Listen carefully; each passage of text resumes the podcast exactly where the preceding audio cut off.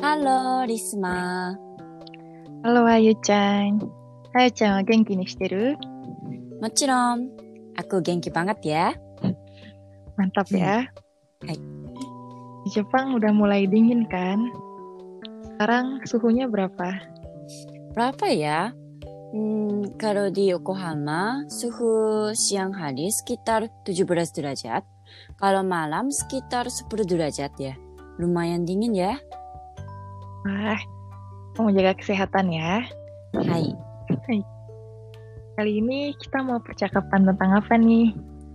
Sebelumnya, setelah mendaftar sebagai penduduk di kantor balai kota dan membuat stempel, kali ini pelajar Indonesia akan membuka rekening bank. Oke, Ayu Chan jadi pemeran pegawai bank Jepang dan aku pemeran pelajar asing dari Indonesia. Bagaimana pelajar asing membuka rekening bank di Jepang? Kita mulai yuk. Oke.こんにちは。講座を開きたいのですが、ありがとうございます。身分証明書と住所の確認ができるものはお持ちですかパスポートと在留カードと住民票でいいですか大丈夫ですよ。こちらが申し込み用紙です。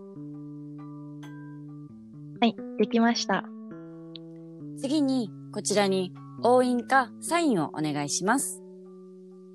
印鑑を持っています。これでいいですかはい。それでは少々お待ちください。リスマ様、お待たせしました。こちらが預金通帳です。ありがとうございます。キャッシュカードは1週間ほどでご自宅にお送りします。わかりました。ありがとうございました。Selanjutnya kosakata yang perlu diingat adalah 口座を開きたい。 ingin membuka rekening, 申し込み用紙、 formulir pendaftaran, 次に selanjutnya 少々お待ちください。 tolong tunggu sebentar. お待たせしました。 Maaf telah membuat Anda menunggu. 押印、 Anda stempel, サイン、 tanda tangan, 預金通帳、 buku tabungan, キャッシュカード、 cash card atau kartu ATM, 自宅。 rumah. Bagaimana teman-teman? Kalau tinggal di Jepang, biasanya perlu punya rekening ya. Iya, eh, buat kalian yang berencana tinggal di Jepang dalam jangka waktu yang lama, disarankan untuk segera membuka rekening bank setelah tiba di Jepang ya.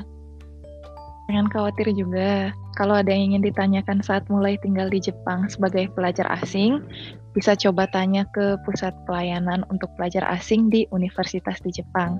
Pasti bakal dilayani dengan baik deh. Hmm.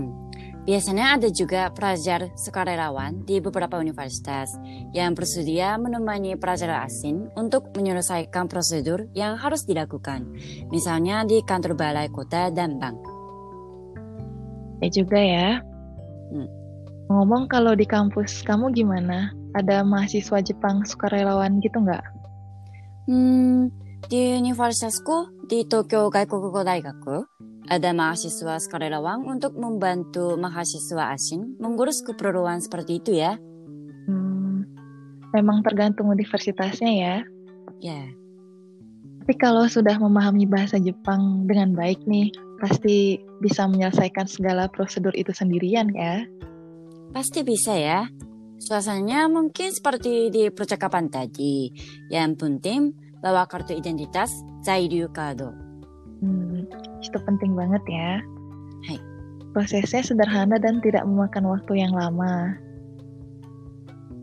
Oh iya nih, Ayu Chan ada yang mau disampaikan nggak? Hmm, semangat belajar bahasa Jepang ya teman-teman. Gambatte ne. Buat ini bisa belajar dari web kepo Jepang juga ya. Benar banget. Sampai jumpa lagi ya. Arigatou gozaimasu. Ya, gozaimasu. Bye bye. Bye.